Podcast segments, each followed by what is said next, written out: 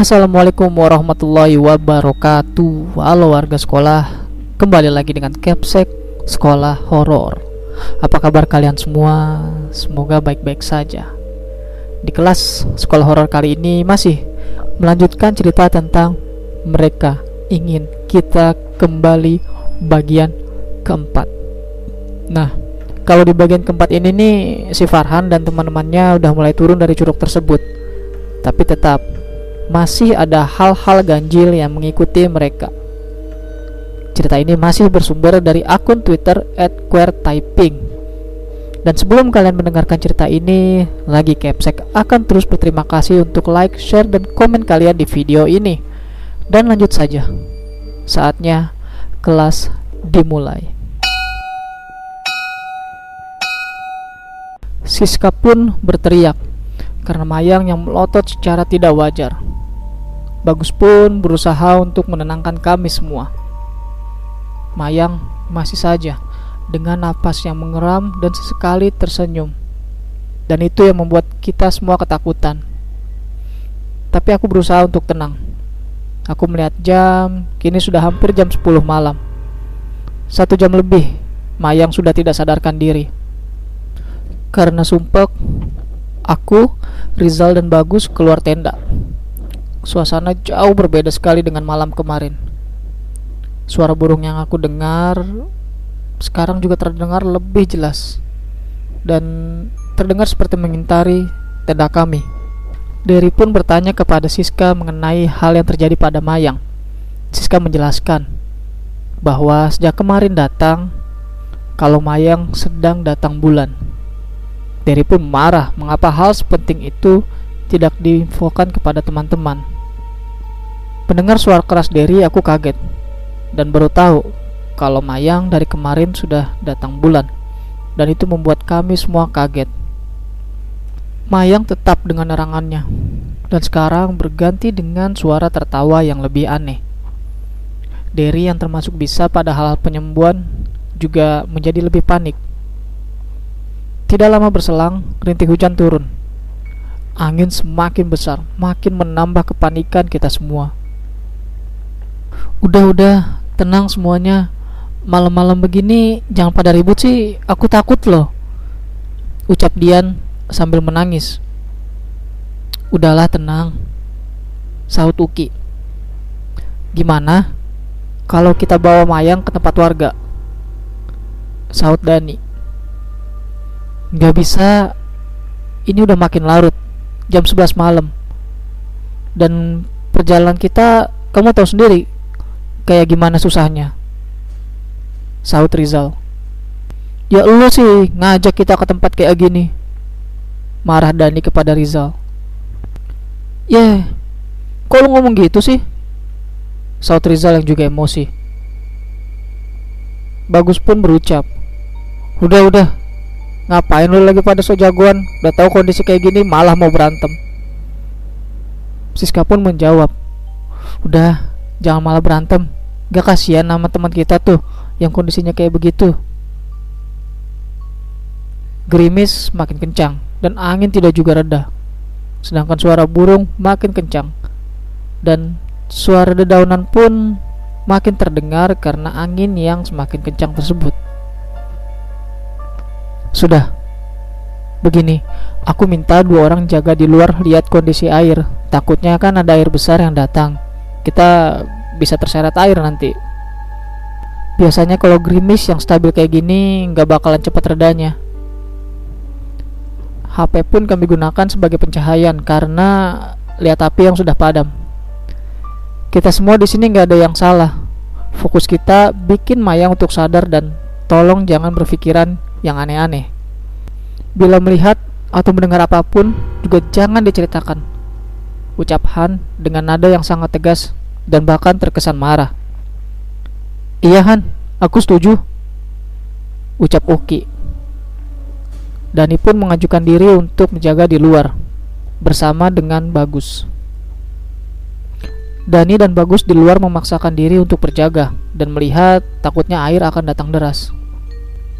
Sis, kamu juga lagi dapat? Sahut Han. Iya Han, kok kamu bisa tahu? Ucap Siska. Gak apa-apa, tahu aja.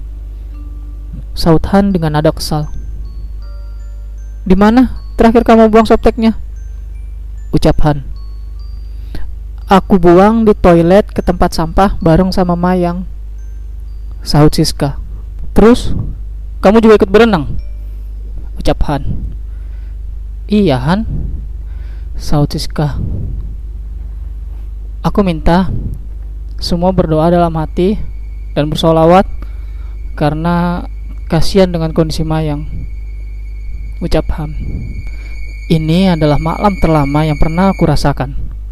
Suara burung tidak henti dan suara Mayang tertawa itu terkadang masih sesekali muncul. Aku yakin sekali kalau semua ketakutan termasuk aku dan semua pun jadi emosi karena kekesalan pada Mayang dan Siska. Aku mengambil jaket karena dingin. Tapi aneh, kok ada tasbih dari Abah yang bahkan dengan sengaja tidak aku bawa. Ketika Ami menyuruhku, aku langsung berdoa sambil berzikir sebisaku meminta pertolongan kepada Sang Pencipta. Karena memang background keluargaku menjadi panutan soal keagamaan. Aku berpikir yang penting berdoa, tepat di dekat badan Mayang. Ketika kami berdoa, tiba-tiba Mayang berhenti mengaungkan nafasnya, tidak seperti sebelumnya. Mai, ucap Han. Iya Han, aku lemes banget pengen minum, ucap Mayang. Langsung aku menyuruh Siska dan Dian untuk membalurkan kayu putih ke bagian badannya dan langsung memberinya air minum. Semua menjadi tenang. Semua aman. Sekitar jam satu dini hari. Aku sudah meminta juga kepada sahabat-sahabatku untuk tidak menyalahkan Mayang sama sekali. Karena merasa kedinginan, Dani pun minta bergantian untuk berjaga di luar dengan Rizal. Kini di luar ada Rizal dan Bagus.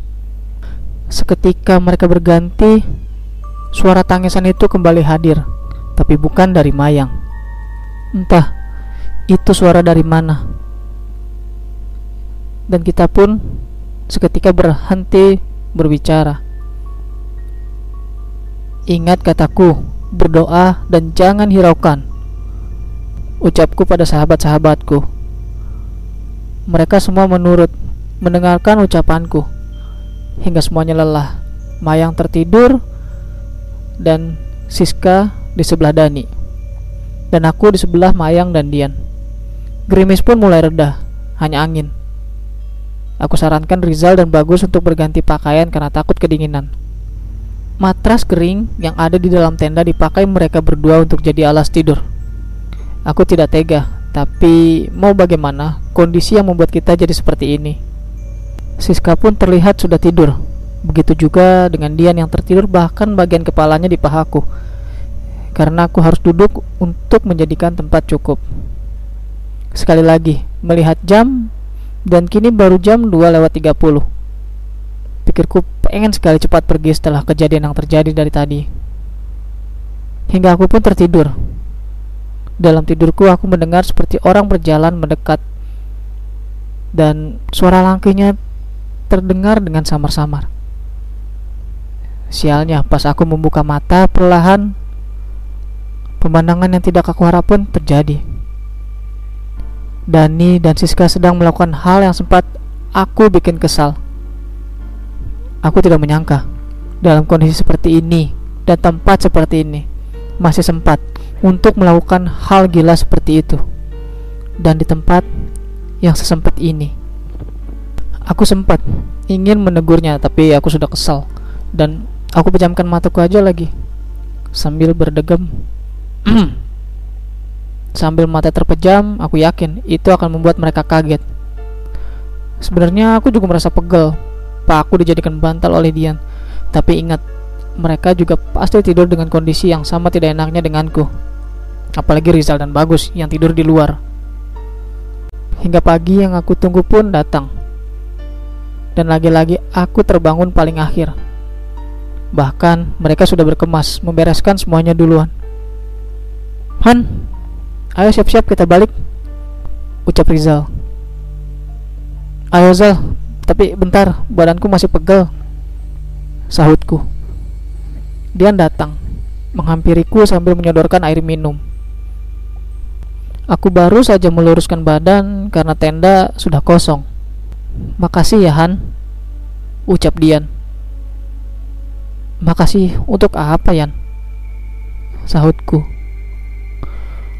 Untuk semalam aku merasa aman banget ucap Dian. Iya Yan, sama-sama. Sorry juga karena kejadian-kejadian semalam. Jawabku. Aku dan semuanya beres dan berkemas membereskan semuanya. Tidak lupa juga kami berfoto di lokasi tenda untuk yang terakhir kalinya sebelum meninggalkan tempat ini. Selasa 22 Mei 2012 kita semua memutuskan untuk pulang sesuai rencana meninggalkan curug ini. Perjalanan pulang kita semua berjalan bersama-sama dan Dian pun tidak bisa jauh-jauh dariku. Di sini Han, aku melihat yang aku ceritakan mengenai keranda mayat dan orang-orang itu. Ucap Dian. Udah ya Yan? Sahutku. Eh, iya, maaf ucap dia dengan cemberut. Sekitaran 45 menit kita sudah tiba di perkebunan teh yang sama indahnya seperti sambutan ketika kita datang. Harum udara segar akan selalu membuat kami rindu kepada kebun teh ini. Dani, ayolah, jangan lambat jalannya. Teriak Mayang. Iya, Bawel. Saut Dani. Memang Dani aneh sekali Aku ingat bagian pertama di mana Dani di sini dengan lamunannya. Tapi lagi-lagi aku tidak mau memikirkan hal-hal yang tidak masuk akal buatku. Selesai melewati kebun teh, tidak lupa juga kami berfoto. Hingga sampailah di permukiman warga. Sekitar jam 10 pagi hari. Warga yang sedang beraktivitas melihat kami semua jalan bareng dengan perlengkapan tenda dan lain-lain dan juga tas yang besar. Dan warga melihat kami dengan tatapannya yang aneh. Tapi untungnya sahabat-sahabatku mengabaikannya. Hingga sampailah kami di jalan umum atau jalan utama. Bentar ya, aku mau telepon dulu Mang Tahir buat jemput kita ke sini. Ucap Rizal. Apa tidak kelamaan kita menunggunya Zal? Saut Siska. Gak apa-apa, biar gratis tuh ada warung di sana kita tunggunya di sana aja sambil istirahat. Ucap Rizal. Sembari menunggu Mang Tahyar menjemput aku dan semuanya menunggu di warung yang ala kadarnya. Dari mana? Mau ke mana ini tuh? Ucap ibu warung. E, ini bu kami habis camping di Curug. Sahutku. Aku sudah tidak mau lagi membahas soal tanggapan-tanggapan orang dengan muka aneh ketika mereka tahu kalau kita habis camping di curug tersebut. Satu jam lebih menunggu dan melihat Rizal sibuk menghubungi Mang Tahir. Akhirnya mobil yang kita tunggu-tunggu pun datang.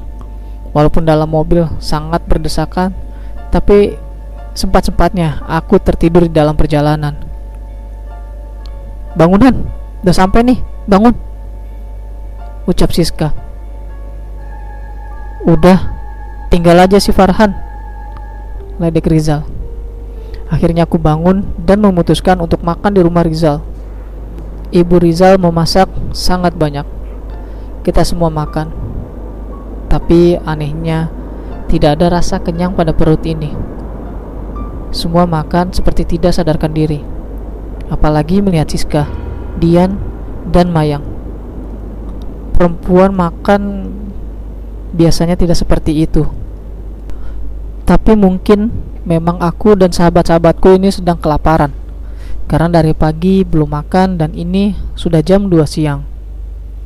Setelah makan, kita semua memutuskan untuk pulang dan beristirahat ke rumah masing-masing. Assalamualaikum Ami, Farhan pulang, ucapku. Waalaikumsalam, Ya Allah Farhan, Ami khawatir banget sama kamu. Baik-baik aja kan di sana? Sahut Ami. Alhamdulillah Mi, baik-baik aja. Anak Ami kan jagoan. Ucapku sambil bercanda. Abah, mana Mi? Tanyaku kembali pada Ami. Tuh, dari kemarin mencemaskan kamu terus. Ucap Ami. Bah, Gimana? Sudah paham tanggung jawab itu apa? Saut Abah. Belum, Bah. Jawabku. Ya sudah, kamu istirahat sana. Saut Abah. Aku memutuskan untuk tidur siang. Tapi anehnya, suasana masih saja seperti di Curug. Hanya beda tempat saja. Apa mungkin ini hanya perasaanku saja? Apalagi ketika makan, aku merasa ada di sana, di tenda suasana pohon pinus. Bahkan kicauan burung masih terngiang di telingaku. Ini terjadi terus-menerus. Tidur merasa di sana, mandi juga merasa di sana. Pikirku, ada apa ini sebenarnya? Aku pun memutuskan untuk tidak keluar rumah. Kontak dengan mereka juga agak berbeda. Biasanya kalau aku tidak keluar rumah dua hari saja, pasti mereka datang ke rumahku ini. Tapi ini tidak.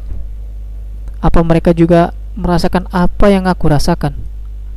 Pertanyaan aneh dan perasaan aneh terus menerus menyelimuti beberapa hariku ini. Seolah badan ini sudah di rumah, tapi ada yang tertinggal di sana, di curug itu. Awalnya aku biarkan Aku menganggap mungkin hanya hal yang biasa. Sampai akhirnya, aku yakini ada yang aneh. Apalagi pas Ami bilang kemarin Rabu malam ayah Rizal ke sini. Katanya anaknya si Rizal. Kelakuannya menjadi aneh sepulang liburan ke Curug itu. Aku pun menelpon Rizal Kamis pagi. Zal, ucapku. Han, Ke sini, cepat ke rumah. Saud Rizal. Oke, sekarang aku ke situ. Tidak lama, aku sampai di rumah Rizal. Mau aku dulu atau kamu yang bercerita? Ucap Rizal. Aku. Jawabku. Zal, aku merasa masih di sana dari Selasa malam Rabu hingga hari ini Kamis pagi. Ucapku. Itu aneh Han Aku juga sama Saud Rizal. Han Kayaknya kita perlu ngumpulin anak-anak lagi nih. Ucap Rizal begitu ketakutan. Iya Dan harus cepatnya. Ucapku yang juga sama rasa takutnya. Karena memang semua yang aku lakukan merasa tetap ada di sana. Apalagi ketika makan Tidak ada rasa kenyang sama sekali. Jam 2 siang, semua berkumpul di rumah Rizal. Walaupun tidak semuanya, hanya Dani yang tidak datang. Pas Rizal telepon Dani, kata ibunya dia sakit parah, demam, dan menggigil setelah kepulangan dari curug itu.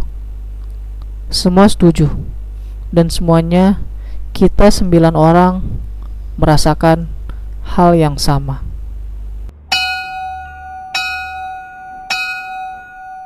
Nah, itu dia cerita mengenai mereka ingin kita kembali bagian keempat. Meskipun sudah turun dari curug, tapi Farhan dan teman-temannya masih merasakan hal-hal yang ganjil. Kira-kira apakah mereka akan memutuskan untuk kembali ke curug itu atau hanya akan menghiraukannya saja? Jawabannya ada di video selanjutnya. Terima kasih juga buat kalian warga sekolah yang telah mendengarkan cerita ini. Dan Terima kasih juga kepada akun Twitter @queertyping yang telah memberikan kami izin untuk membacakan cerita ini. Jangan lupa like dan share video ini agar warga sekolah horor semakin bertambah. Dan sampai jumpa di kelas berikutnya.